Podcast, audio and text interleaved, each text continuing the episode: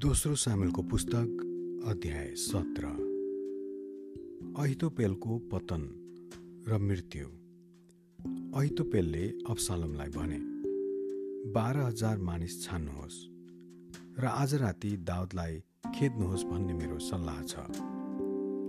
तिनी थाकेर हैरान भएको बेलामा तिनलाई हमला गर्नुहोस्। तिनलाई आतंकित बनाउनुहोस् र तिनीसँग भएका सबै मानिस तितर बितर हुनेछन्। राजालाई बाहेक अरू कसैलाई नमार्नुहोस्। सबै मानिसहरूलाई तपाईँ कहाँ फर्काइ ल्याउनुहोस्। तिनको मृत्युले नै सबैजनालाई फर्काइ ल्याउन सक्छ। अरू सबै मानिसहरू चाहिँ कुनै हानि हुने छैन। अफसालम र इजरायलका सबै धर्मगुरुहरूले ऐतुपेलको सल्लाह स्वीकार गरे। तब अफसालमले भने अरकी हुसैलाई बोलाइ पठाओ र तिनले के भन्दा रहेछन् सो हामी सुनौ। हुसै आए र ऐतोपेलले भनेका सबै कुरा अफसालमले तिनलाई भनिदिए र तिनलाई सोधे ऐतोपेलले हामीलाई यस्तो सल्लाह दिएका छन्। के हामी तिनले भनेको अनुसार गरौँ?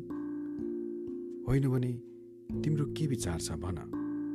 हुसैले अफसालमलाई भने यसपल्ट ऐतोपेलले दिएका सल्लाह ठिक छैन। हुसैले अझै पनि भने तपाईँका पिता र उहाँसँग भएका मानिसहरू अनुभवी लडाकाहरू छन् र बच्चा खोसिएका जङ्गलका क्रोधी भालुहरू जस्ता छन्। तपाईँका पिता युद्ध कलामा निपुण हुनुहुन्छ अनि उहाँ राति सेनासँग बस्नुहुने छैन। अहिले पनि उहाँ कुनै ओडारमा वा अरू यस्तै ठाउँमा लुकिरहनु भएको छ होला। यदि उहाँले उछनेर पहिले नै तपाईँको फौजलाई हमला गर्नुभयो भने यो कुरा थाहा लाग्यो भने शून्यले भन्ने छन् अफसालमका पछि लाग्ने फौजहरू त नष्ट भएका छन्। त्यसो हुँदा कस्तै सुरो र सिंह जस्तै मुटु भएको मानिसको साहस पनि हराउनेछ किनभने सारा इजरायलले जान्दछ कि तपाईँका पिता एक महावीर हुनुहुन्छ र उहाँसँग हुनेहरू पनि साहसीहरू छन्। यसैले मेरो सल्लाह यही छ। दानदेखि वर्षेवासम्मका सारा इजरायललाई समुद्रका बालुवाका कण जस्तै तपाईँ कहाँ जम्मा हुन दिनुहोस् र तिनीहरूका अगाडि तपाईँ आफै युद्धमा मानिसहरूलाई लिएर जानुहोस्। तब उहाँ जहाँ हुनुभए तापनि हामी कहीँ न कहीँ उहाँमाथि आक्रमण गर्नेछौँ र भुइँमा शीत परेको चाहिँ उहाँमाथि ओहिरिनेछौँ अनि उहाँका घरनाको एउटै पनि अथवा उहाँपछि लाग्नेहरू कुनै पनि जीवित छोडिने छैन। उहाँ कुनै सहरभित्र शरण लिनुभए तापनि सारा इजरायलले त्यस सहरलाई लठार ल्याएर एउटै ढुङ्गा पनि त्यसको जगमा नपाइने गरी हामी घिस्याएर विषयमा पुर्याउनेछौँ। अफसारम र इजरायलका सबै मानिसहरूले भने अरकी हुसैले अहितो पेलको भन्दा राम्रो सल्लाह दिएका छन्।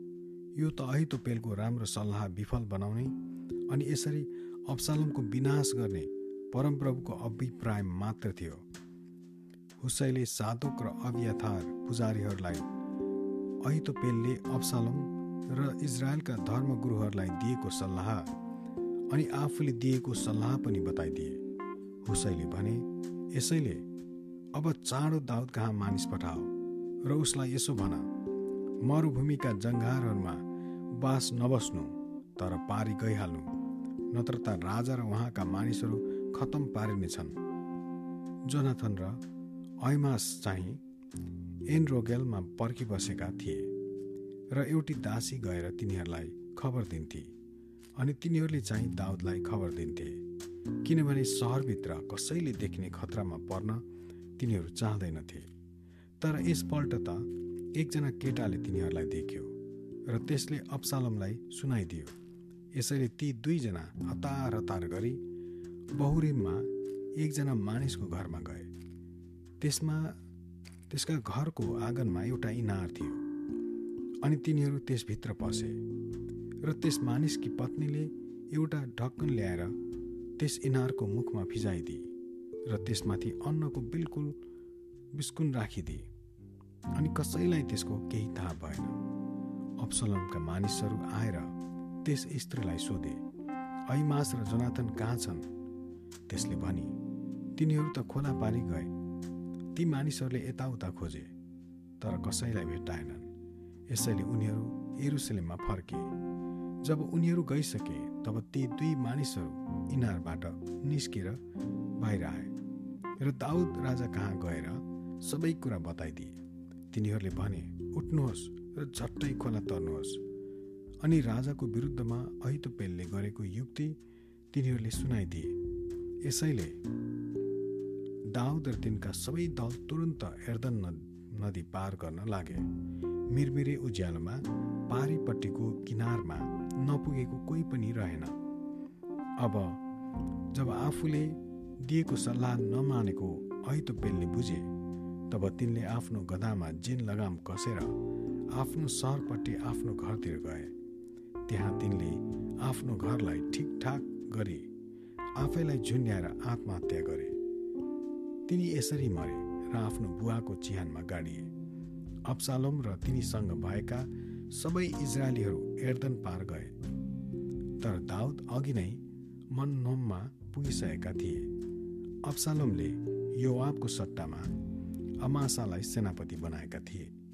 तिनी चाहिँ इजरायली एतेर नाउँ भएका मानिस र योवाबकी आमा सरुयाकी बहिनी अनि नहासकी छोरी अबिगेलका छोरा थिए।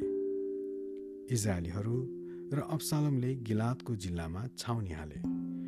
जब दाउद महनोममा आइपुगे तब अम्मुनीहरूको रब्बामा बस्ने नहासका छोरा सोबी लुदेदा लेदेजबारमा बस्ने अमियलका छोरा माकिर र रोगलिममा बस्ने गिलादी बर्जिलैले ओढ्ने ओछ्याउने भाँडाकुँडा र कचौराहरू ल्याइदिएर त्यसलाई दिए।